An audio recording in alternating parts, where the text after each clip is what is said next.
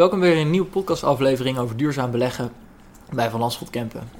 Ik zit vandaag tegenover Jax Walia, portfolio manager van Kempen uh, Listed Infrastructure Fonds. Uh, Jax, kun je mij wat meer vertellen over jullie strategie en focus? Ja, dus uh, we zijn die Listed Infrastructure Fonds. En dat is een team die binnen de Real Assets team zit. En binnen Real Assets hebben we jarenlang een data-gedreven proces gehad.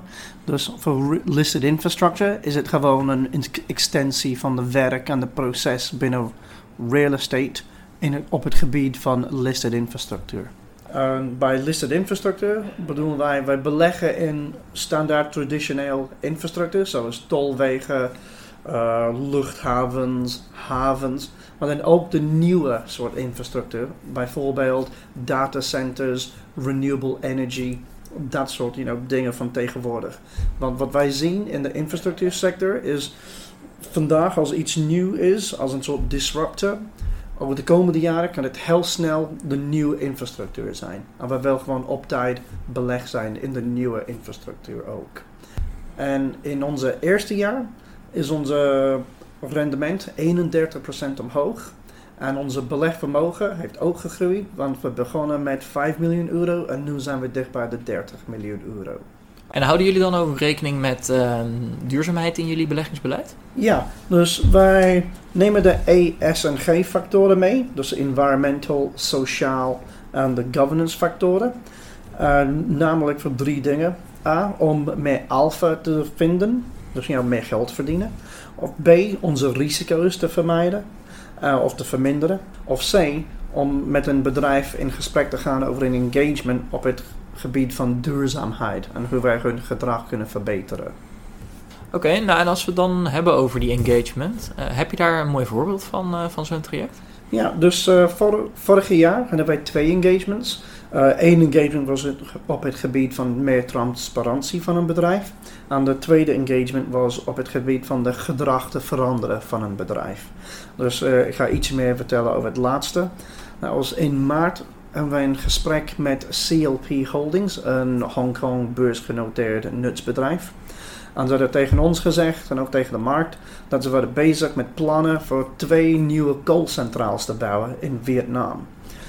En we hebben gezegd tegen die bedrijf in maart dat uh, volgens onze visie twee nieuwe koolcentrales passen niet binnen de Parijs Klimaatakkoord. Dus de doelstelling van Parijs is onze CO2-uitstoot te omlaag te brengen. En dus twee nieuwe koolcentrales helpen niet met die doelstellingen. Niet voor Parijs en ook niet van de doelstellingen van Vietnam zelf. En dus we hadden een hele goede, gezond gesprek met die bedrijf. Dat duurt ongeveer acht maanden. En dus dat was twee keer face-to-face en dan heel veel e-mails tussendoor. En op, in het begin, de bedrijf heeft geluisterd naar onze you know, zorgen en onze mening, maar ook voor onze geduld gevraagd. En dat hebben wij hun you know, gegund. En ja, en dat hele gesprek was ongeveer acht maanden. Oké, en kun je daar ook wat concrete resultaten dan over uh, uh, vertellen? Ja, ja. want uh, we hadden in totaal, ik dacht, twee vergaderingen face-to-face. -face, en heel veel e-mailcontact over de afgelopen acht maanden. En dan uiteindelijk rond begin december of 2019 kwam het bedrijf terug met een bericht om te zeggen tegen ons en ook tegen de markt dat ze gaan stoppen met die twee kolencentrales. Dus die plannen gingen niet verder door. Dat was niet heel goed.